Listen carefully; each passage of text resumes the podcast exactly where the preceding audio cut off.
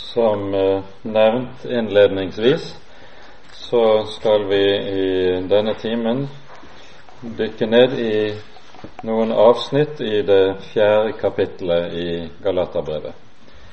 Men la oss be før vi begynner.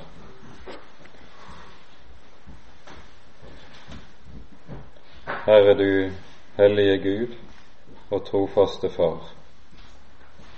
Vi kommer frem for ditt ansikt på ny og ber deg, Herre, kom du med din Hellige Ånd og vær til stede imellom oss og åpne opp ordet for våre hjerter.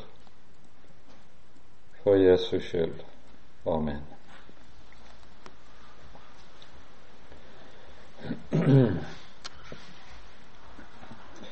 Vi leser nå innledningsvis fra Galaterbrevets fjerde kapittel, fra vers fire til og med vers syv.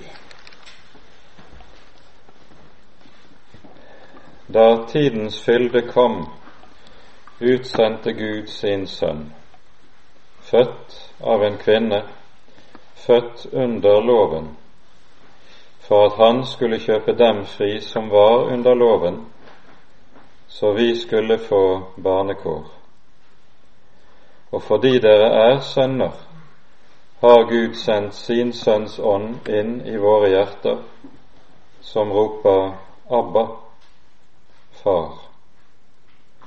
Så er du da ikke lenger trell, men sønn. Men er du sønn, da er du også arving, innsatt av Gud. Amen. I dette avsnittet som vi nå har begynt på, så er det Paulus særlig tar for seg noe av dette hva det vil si at vi som Guds barn er fri fra loven. Og dette er jo en, et hovedtema i eh, Galaterbrevet, like som vi også møter det i Romerbrevet, i det syvende kapittel særlig. Og Det som er noe av poenget i Paulus tale om friheten fra loven, det er at bare den som er død fra loven, kan leve for Gud. Bare den som er død fra loven, kan leve for Gud. Dette sier Paulus direkte og ende frem i det syvende kapittel i Romerbrevet. Og vi hørte også noe av det lyde i kapittel to her i Galaterbrevet. Jeg er ved loven, død for loven, for å leve for Gud. Og her er det vi møter også noe av det som kan synes som et paradoks i Galaterbrevet. Rosenius har formulert følgende sats. Han sier noen går til Kristus for å bli rettferdiggjort, og til Moses for å bli helliggjort. Og nettopp dette er det også som er eh, på en måte griper det som er kjernen i Galaterbrevet. Vi har nevnt dette at disse falske apostler som har kommet til Galatia, antagelig har formulert forkynnelsen sin på den måten at de har sagt det er vel og bra, det som Paulus har talt, men nå må dere komme videre. Paulus har nok lagt en god grunnvoll og begynt godt, men eh, skal dere virkelig lykkes som kristne, hvis det skal bli alvor av deres kristendom, eller som vi kanskje ville sagt det, av deres helliggjørelse, da må dere videre. Da må dere under loven. Noen går til Kristus for å bli rettferdiggjort, og til Moses for å bli helliggjort. Men det som er hele poenget med Galaterbrevet, det er at det slett ikke er Moses som kan virke helliggjørelse i et kristent menneskes liv. Moses krever hellighet. Moses krever helliggjørelse, men han kan ikke virke det. Og det er det som er hemmeligheten i Galaterbrevet. En vanlig oppfatning av Galaterbrevet er jo at dette brevet handler om rettferdiggjørelsen. Ja, det gjør det for så vidt, men jeg tror foranledningen til hele brevet det er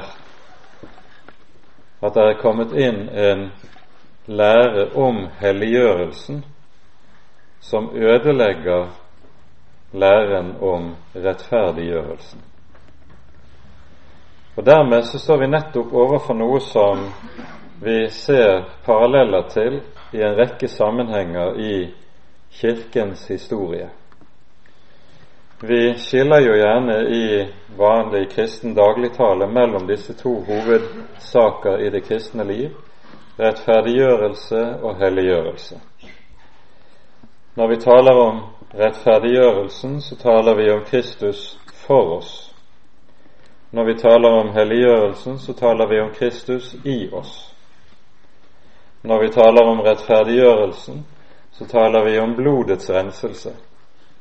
Når vi taler om helliggjørelsen, så kalles det gjerne for Åndens renselse. Dette er en måte å skjelne på i troens liv. Og dette har også nytestamentlig grunnvoll.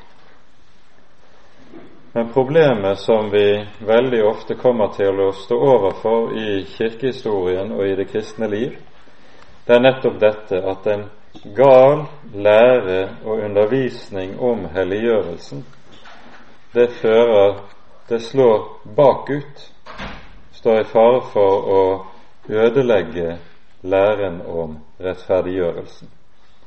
Og Det er nettopp det som har skjedd i Galatia, og det er nettopp det vi ser i en rekke sammenhenger rent teologihistorisk.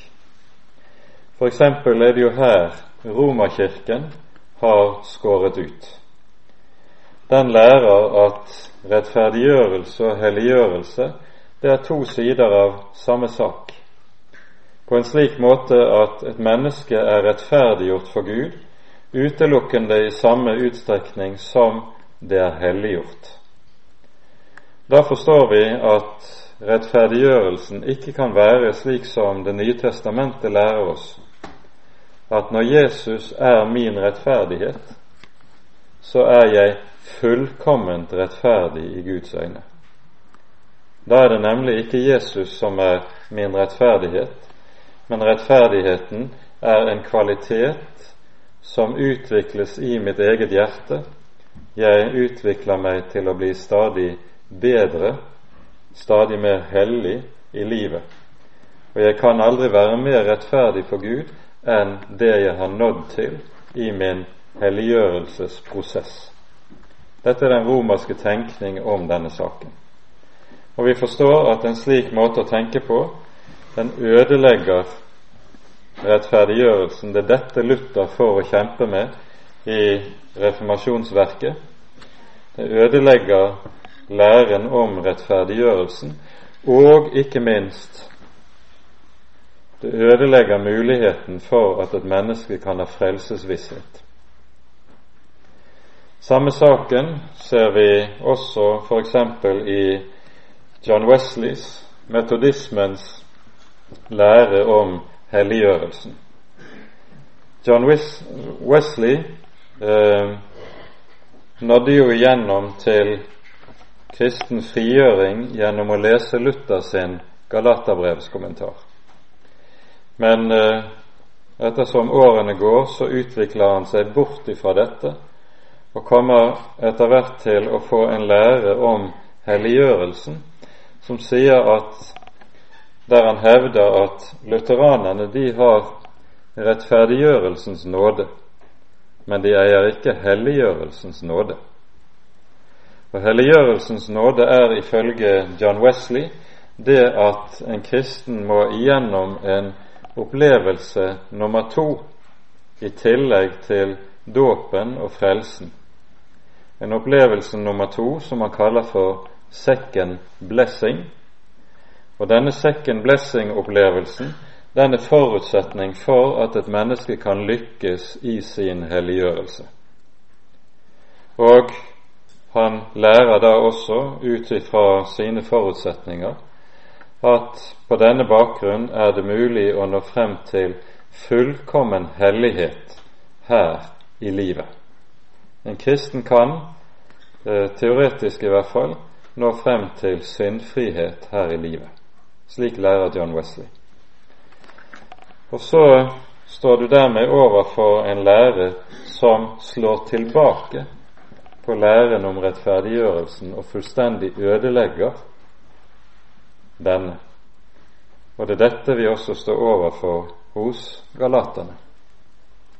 Noen går til Kristus for å bli rettferdiggjort, og til Moses for å bli helliggjort. Men Moses kan ikke gjøre noen hellig. Han krever hellighet, men han virker det ikke. Betingelsen for helliggjørelse, for å bære frukt i det kristne liv, det er friheten fra loven, ikke å være bundet under loven. Det er det Galaterbrevet lærer oss, det er det også Paulus underviser om i Romerbrevet. Og så er det vi altså hører, slik vi har lest i versene vi tok for oss nå, da tidens fylde kom, utsendte Gud sin sønn, født av en kvinne, født under loven, for at han skulle kjøpe dem fri som var under loven. Det Paulus her gjør, det er at han begynner med å minne om hvem Herren Jesus er som Guds sønn av evighet. Han som kommer til vår frelse, er Gud av evighet. Og når det lyder sånn som vi hører det, født av en kvinne, født under loven, så er poenget med det Paulus her sier, det er at han som fødes under loven, det er han som er lovens giver, som vi pekte på det i går. Når Jesus er Herren, den som bærer Det gamle testamentets Guds navn, så er han dermed også den som er lovens giver, den som åpenbarte Guds hellige lov på Sinai og sa, Jeg er Herren din Gud som førte deg ut av Egyptens land, av trellehuset. Du skal ikke ha andre guder foruten meg. Det er denne Gud som kler seg i vårt kjøtt og blod i Marias liv og blir menneske.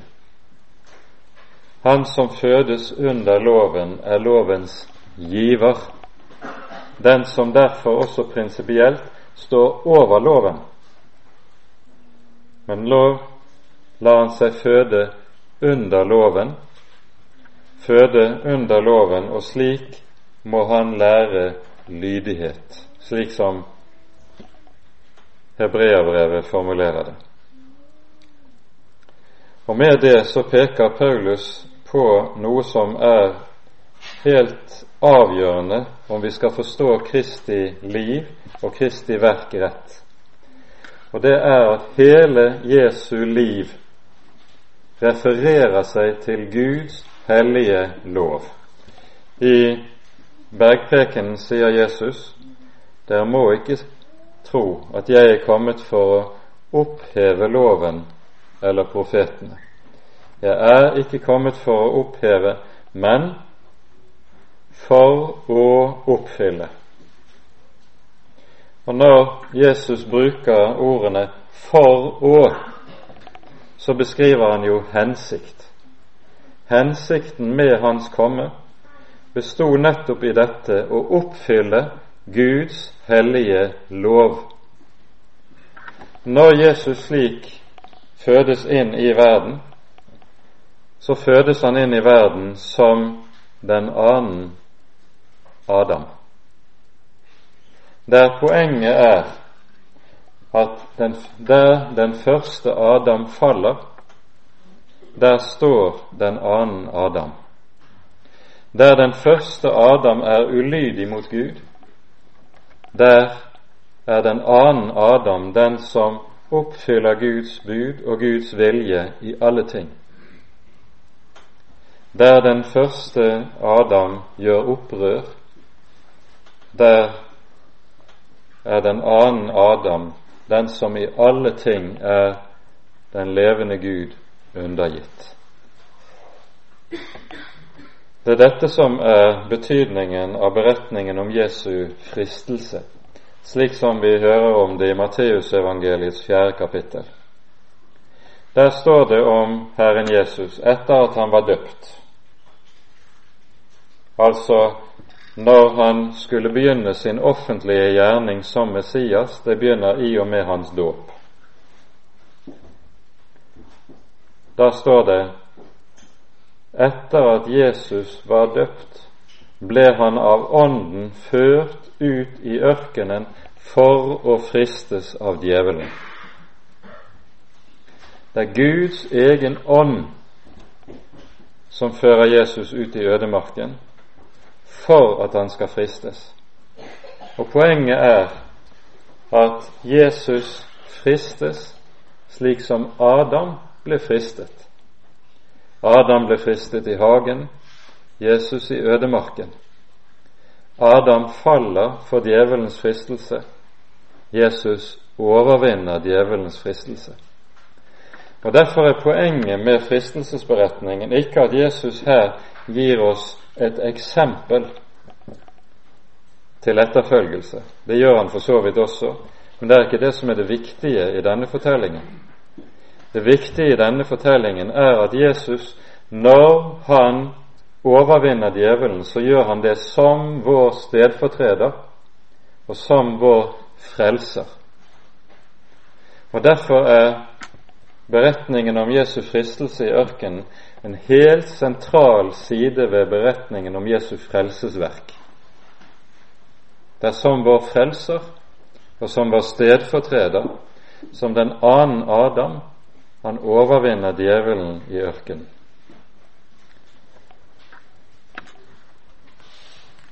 Jesus er født under loven, og som vi siterte fra Matteus 5, han kom for å oppfylle loven.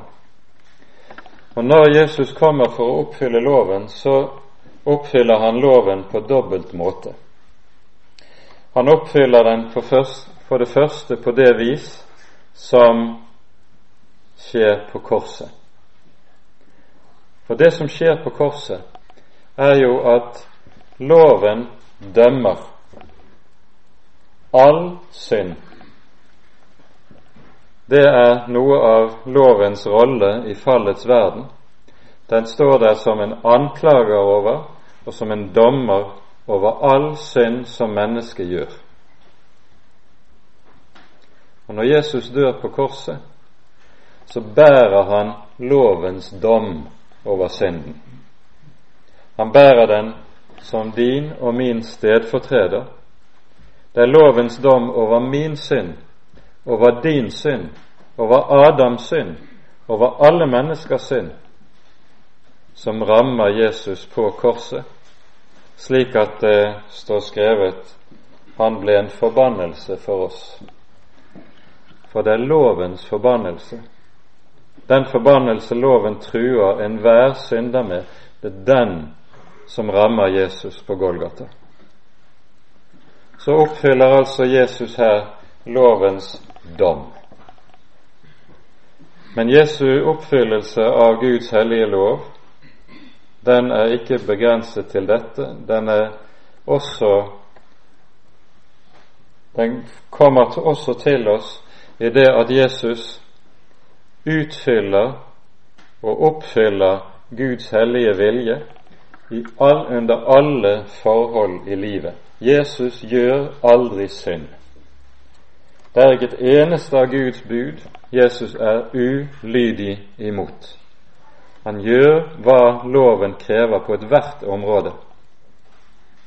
Han gjør det ingen av oss noen gang har gjort eller er i stand til å gjøre. Når vår kirkes reformatorer taler om dette, så skjelner de gjerne mellom to slags lydighet som Herren Jesus viser under loven. De taler om hans passive og om hans aktive lydighet. Den passive lydighet, det er den lydighet som Jesus viser i sin lidelse. Der handler ikke Jesus selv, det blir handlet med ham. Onde mennesker henretter ham under torturen på et kors. Det er Kristi passive lydighet. Og dette, denne Kristi passive lydighet, den blir til frelse for oss, fordi her sones all synd. Uten unntak sones all synd. På den annen side har du Kristi aktive lydighet. Det er den lydighet Jesus viser når han oppfyller Guds bud på ethvert område av livet. Denne Kristi aktive lydighet kommer også deg og meg til gode. Det er ikke slik at Jesu frelsesverk er begrenset til hans passive lydighet på korset. Det er tvert imot slik at også hans aktive lydighet den han viser mot Gud i sin syndfrie lovoppfyllelse. Også denne kommer oss til gode. Alt Jesus gjorde, kommer deg til gode. Paulus taler om dette i Romerbrevets femte kapittel, og vi leser herfra følgende Vi nøyer oss med å tale og, og lese de to versene, vers 18 og vers 19 i Romane 5. Sammenhengen her er nettopp det som vi har vært inne på, der Adam og Kristus stilles opp mot hverandre som de to sentralpersoner i menneskehetens historie. Adam og Kristus har det felles at det utgår en virkning fra den ene til de mange. Det som gjelder den ene, gjelder alle. Vi kunne bruke de tre musketerers valgspråk her. Én for alle, alle for én. Men den virkning som utgår fra disse to, den er stikk motsatt. Og det er det Paulus formulerer her i Romane 5, vers 18 og vers 19. Altså, like som én manns overtredelse ble til fordømmelse for alle mennesker, slik blir også en manns rettferdige gjerning til livsens rettferdiggjørelse for alle mennesker.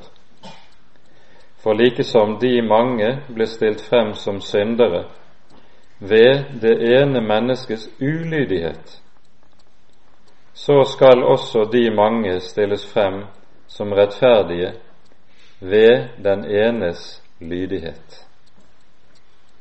Jesu lydighet tilregnes også oss, like som hans stedfortredende lidelse tilregnes oss. Og i dette ligger der en veldig trøst, for dermed så sier Den hellige Skrift oss at når loven kommer med sin anklage til deg, så kan du frimodig si du har ingenting du skal ha sagt i mitt liv, for det er en som har oppfylt loven for meg. Rett nok har jeg falt, rett nok har jeg syndet, men Jesus har stått Jesus er ren. Jesus er rettferdig. Jesus falt aldri. Og det er mitt. Det gjelder for meg. Om jeg er syndig, så er Jesus syndfri. Om jeg er uren, så er Jesus ren. Om jeg falt, så har Jesus stått. Det gjelder for meg. Det gjelder for deg. Og det er dette det handler om når Herren Jesus er født under loven. Han kom nettopp for å oppfylle loven i ditt og i mitt sted. Da tidens fylde kom, utsendte Gud sin sønn, født av en kvinne, født under loven, for at han skulle kjøpe dem fri som var under loven, så vi skulle få barnekår. Og så ser vi hvorledes Jesus og loven henger sammen på denne særlige måte. Vi har et underlig forbilde på dette i Det gamle testamentet. Det er jo slik at Herren Jesus i Skriften kalles for Klippen. Han er Klippen. Og I annen Mosebok hører vi om når Israel mangler vann, så får Moses befaling om å ta staven, stille seg opp foran Herrens ansikt og slå klippen. Og så veller der frem vann. Og Det er nettopp det som skjer i Kristi liv. Moses slår han som er klippen. Og hva skjer? Der veller frem vann, så hele folket får drikke, og hele folket får leve i ødemarken. Det var jo det vi hørte i det tredje kapittelet her i Galaterbrevet. Kristus kjøpte oss fri fra lovens forbannelse ved at han ble en forbannelse for oss, for at vi skulle få Ånden som var oss lovt. Vannet veller frem av klippen, veller frem av klippen til et syndig folk.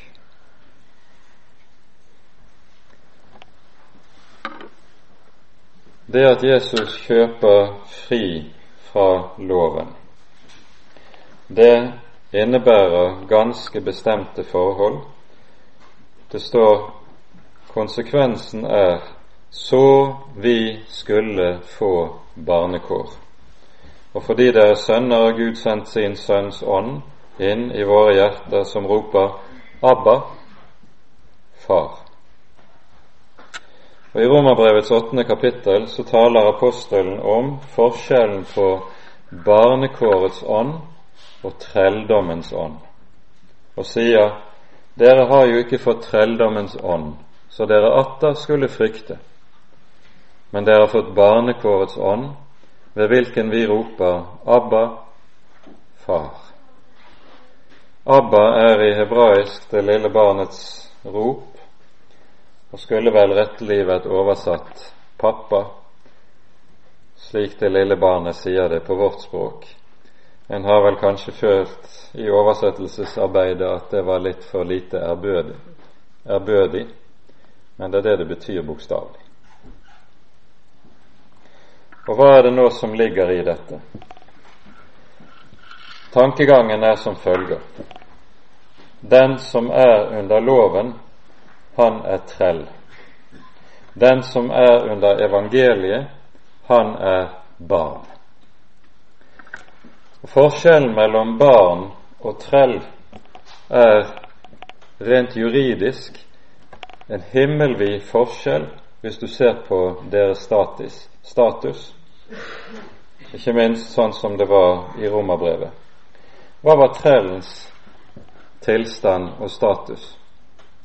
En trell hadde ingen rettigheter. Han hadde kun plikter. I forholdet mellom en trell og hans herre var det slik at herren hadde alle rettigheter, trellen hadde alle plikter. Og Herren kunne oppføre seg i forhold til trælen etter eget forgodtbefinnende, og vi forstår og vet å være trell var ikke godt. Trælens plikter handlet om at han fra tidlig morgen til aftens hilde skulle gjøre. Hele hans eksistensberettigelse bestod i at han måtte gjøre Herrens vilje. Hele hans eksistensberettigelse bestod i denne tjeneste. Og aldri, aldri var han fri. Aldri fikk han heller fri. Barnets tilstand og stilling på den annen side var en ganske annen. Når det lille barnet ligger der i vuggen, hvorledes er forholdet mellom et, det lille barnet og foreldrene? Der er det slik at alle forpliktelser påligger foreldrene, og barnet er fritt og får alt det trenger for intet. For intet.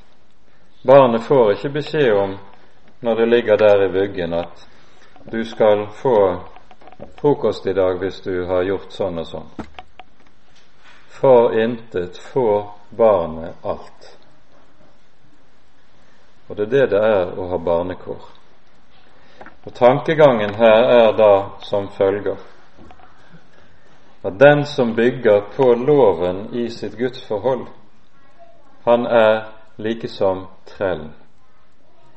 Et liv der alt består av plikter, der det ikke gis hvile, der det ikke gis nåde. Altfor ofte er det slik at mennesker tenker om sitt gudsforhold at mitt min stilling for Gud hviler på min egen innsats. Har jeg gjort som jeg skulle, da vil Gud være meg nådig. Har jeg gjort som jeg burde, da vil Gud høre min bønn. Og dette ligger oss så snublende nær. Tenk på hvordan det er med deg selv. Når du har lykkes som kristen, du har fått det til både med bønneliv og bibellesning, og heller ikke falt i noen særlig stor synd. Da er du frimodig og tenker ja, nå hører Gud mine bønner. Men har du snublet, har det gått dårlig med bibellesningen og bønnen, så tenker du ja, nå rynker Gud på brynene og kan ikke være fornøyd. Nå er det lite håp om at Han hører mine bønner. Det er denne fristelsen til å tenke at mitt gudsforhold hviler på min egen innsats under loven. Det er det som er trelldommens ånd. Men det er den ånd vi ikke har fått.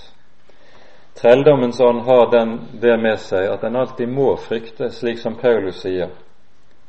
Den kan aldri være riktig trygg på Gud, trygg på at Han vil meg vel og ikke vil straffe meg ikke vil skride inn for å hevne mine fall, min ulydighet, min skrøpelighet som kristen. Det er å være fri fra loven, det er å vite det er ikke loven og lydigheten mot den som er grunnlaget for mitt barnekår hos Gud. Grunnlaget for barnekåret hos Gud det er ikke hva jeg har gjort, men hva Jesus har gjort. Så skal jeg få være barn. Og i forholdet mellom barn og foreldre er det nettopp slik at alle forpliktelser hviler på Han som er far. Jeg skal ikke gjøre ditt eller datt for å motta velsignelsen, livet, bønnhørelsen eller hva jeg måtte trenge. Når Gud har sagt 'Jeg er far, du er barn', da skal du også kunne vite du er trygg.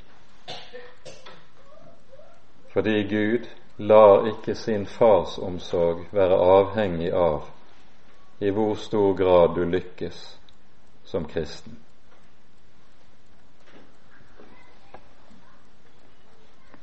Dette er vårt problem også som kristne, fordi det jo er slik at i det falne menneskets natur, der er det lovens mening, som reformatorene kaller det for, opinio legis, det er det som ligger oss i blodet. Vi har det med å tenke helt uvegerlig ut fra det vi er i naturen, at Gud, han handler med oss i henhold til hvor, i hvor stor utstrekning vi lykkes i vår lydighet mot ham. Nei, sier Skriften. Er Gud far, så er han din far for Jesus skyld. Er Gud far, så hviler hans fars omsorg ikke på din lydighet, men på Jesu lydighet. Og så er du fri. Å være fri fra loven er dette å vite at mitt gudsforhold hviler ikke på min lydighet, men på Jesu lydighet.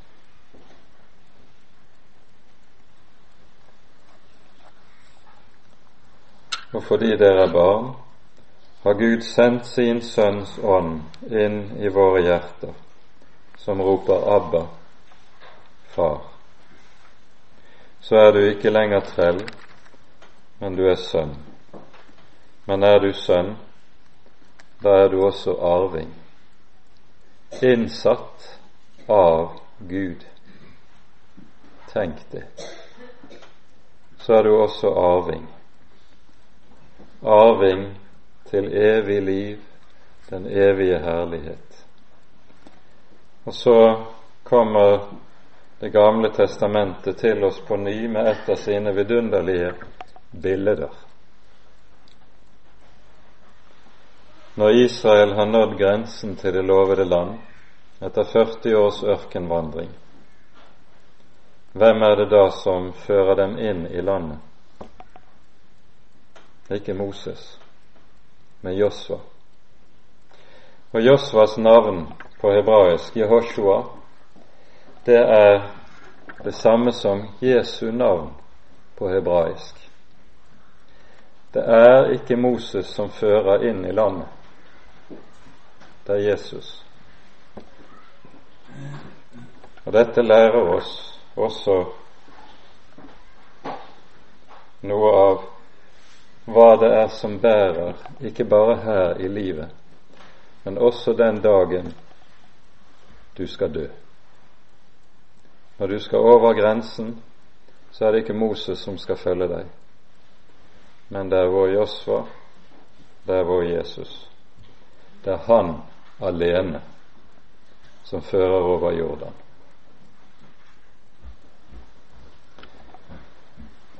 Når Paulus har talt om dette, så gir han oss etter et innskudd i kapittelet, så gir han oss en gammeltestamentlig undervisning om det i slutten av kapittel 4. Og vi leser her fra vers 21 til vers 31. Si meg dere som vil være under loven, hører dere ikke loven? Det står jo skrevet at Abraham hadde to sønner en med trellkvinnen og en med den frie kvinne. Trellkvinnens sønn ble født etter kjødet. Den frie kvinnes sønn ble født på grunn av løftet. I dette ligger der en dypere mening, for disse kvinner er to pakter. Den ene er fra berget Sinai. Den føder barn til trelldom, det er Hagar. Hagar er berget Sinai i Arabia, og svarer til det Jerusalem som er nå, for det er i trelldom med sine barn. Men det Jerusalem som er der oppe, det er fritt. Det er vår mor, for det står skrevet:" Gled deg, du ufruktbare, du som ikke føder. Bryt ut i jubelrop, du som ikke har fødselsveer. For den enslige kvinne har mange flere barn enn hun som er mannen. Men vi brødre er løftets barn, like som Isak. Men han som var født etter kjødet, forfulgte han som var født etter ånden. Og slik er det nå òg. Men hva sier Skriften? Driv ut trellkvinnen og hennes sønn, for trellkvinnens sønn skal ikke arve sammen med den frie kvinnes sønn. Altså, brødre, er vi ikke trellkvinnens barn, med den frie kvinnes. Det vi hører i nest siste verset her, sitatet fra Første Mosebok 21, det er det som så å si er noe av temaet i Galaterbrevet. Driv ut trellkvinnen og hennes sønn. Trelldommen drives ut av Galatia gjennom Pauli, Pauli kampskrift, undervisning om hva evangeliet egentlig er. Når vi hører om Abrahams to sønner, så ligger det i dette et dypt forbilde på nettopp det som vi har talt om, hva friheten fra loven dreier seg om. Abraham kalles av Herren når han er 75 år gammel. Dra bort fra ditt land, fra ditt folk, fra din fars hus, til det land jeg vil vise deg. Og jeg vil velsigne deg, og jeg vil gjøre din ett stor, og jeg vil gjøre så at alle jordens etter skal velsignes i deg. Det løftet som Abraham får. Men Abraham og Sara er barnløse. Abraham er 75 år gammel. Og i tro på Herrens løfte så bryter de opp for å dra dit Herren har lovet å skjenke dem landet. Og de kommer til landet, drar gjennom landet fra nord til syd. Og Herren åpenbarer seg for Abraham og sier, Deg og din ett vil jeg gi dette land. Og så skulle vi forvente at Herren nå, når Abraham har gått Herrens vei, at Herren ville gi ham sønnen som var lovt. Men det skjer ikke. Det ene år følger på det andre, og vi ser ikke det aller minste tegn til at Herren skal oppfylle sitt løfte. Når Abraham er 80 år gammel, så begynner det å bli riktig vanskelig. Når Abraham er 85 år gammel, så er dette blitt en slik anfektelse for ham at når Sara kommer til ham og sier 'vi kan ikke vente lenger', hvis ikke noe skjer nå, så er det umulig at Guds løfte kan oppfylles. Kanskje Gud har ment at vi skulle gjøre noe selv. For det er nettopp det de gjør. De gjør noe selv. Sara gir Abraham en medhustru, en egyptisk trellkvinne ved navn Hagar. Og dette var ikke noe usømmelig den gang. Det ble regnet som en manns både rett og plikt. Hvis hans hustru ikke fikk barn, så skulle han ha kunne han ta en medhustru for å få arvinger med henne. Abraham får Hagar til medhustru, og Hagar føder Ismail. Og så sier Skriften Ismail er født ifølge kjødet. Hvorfor? Jo, fordi, Ab fordi Ismail er en frukt av at Abraham og Sara har gjort noe selv. Det ble for vanskelig for dem dette å vente på Herren, på at Han skulle komme og oppfylle sitt løfte, og så må de hjelpe Gud på vei. De gjør noe selv. Så går årene videre. Abraham blir 90, han blir 95, han blir 99. Og da kommer Herren til ham og sier ved denne tid neste år skal Sara ha en sønn. Da er hun 90, og han er 100. Og de ler. skulle det kunne være mulig? En hundreåring og en nittiåring avler barn. De ler. Men hva er poenget her? Poenget er jo det at Gud venter så lenge med å oppfylle sitt løfte, så lenge at det blir umulig for Abraham og Sara selv å gjøre noe som helst. Saras morsliv er utdødd, sier Skriften. Hun mangler de fysiske forutsetningene for å kunne få barn. Og det står om Abraham at han så på sitt utlevde legeme. Han er også fysisk ute av stand til å avle barn. Og så kommer Herren. Og Isak fødes når Abraham er fylt hundre. Og Isaks fødsel blir dermed som at Gud skaper liv av døde i de to gamles liv. Isak er født ifølge løftet, sier Skriften. For nå er situasjonen den at Abraham og Sara intet kunne gjøre. Skulle løftet oppfylles, så måtte Gud selv gjøre alt. Og Poenget er her i denne sammenhengen Gud vil ikke ha din og min hjelp til å oppfylle sine løfter. Isak er født ifølge løftet, Ismael etter kjødet. Når Paulus tar disse to frem, så gjør han det for å peke på at disse to er eksempler på to slags kristendom. Det ene er kristendom i anførselstegn, det er det som kalles kristendom, og som er en frukt og et resultat av at man har gjort noe selv. Den kristendom som er født av at mennesker gjør noe selv, den er født ifølge kjødet.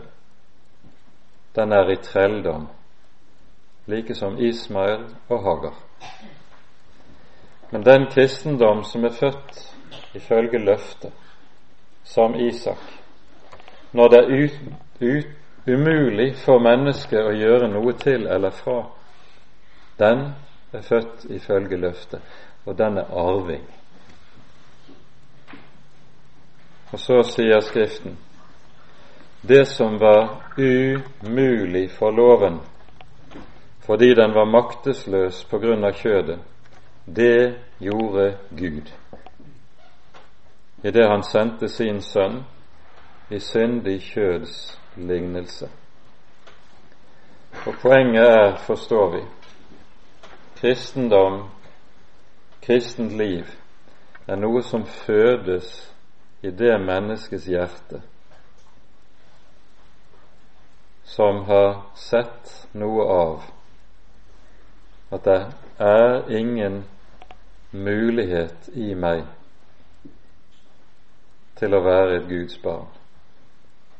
Det er ingen forutsetning i meg for å være et Guds barn. Det er umulig for meg å være et Guds barn slik som jeg er. Det er umulig. Og så kommer den levende Gud og skaper liv av døde. Det er det evangeliet er. Det er at Gud skaper liv av døde. Ved loven døder han et menneske. Ved evangeliet gjør han døde levende. For evangeliet er et slikt ord som vi hører det Det sies jo uttrykkelig et par ganger i Efeserbrevets annet kapittel. Dere som var døde, har Han gjort levende ved evangeliet. Den som er død, kan ikke gjøre noe selv. Anskuelsesundervisningen på dette har vi i fortellingen om oppvekkelsen av Lasarus. Han har ligget fire dager i graven når Jesus kommer, Og så roper Jesus inn i graven, inn i døden, og sier, Lasarus, kom ut. Og så vekker Jesu ord den døde. Han stiger ut av graven. Det er det evangeliet gjør. Det er et slikt ord som lyder til deg midt inn i dødens mørke og kaller deg til livet, som gir deg livet. Det er det som er evangeliets kraft. Det er et levendegjørende, et livsskapende ord, som knytter deg sammen med og binder deg fast til Han, om hvem Skriften sier hos deg er livets kilde. I ditt lys ser vi lys. Det er evangeliet. Det er livet. Det som loven aldri kan gi, men bare kan gis ved evangeliets lys og evangeliets kraft. Ære være Faderen og Sønnen og Den hellige ånd, som var og er og være skal en sann Gud, høylovet i evighet. Amen.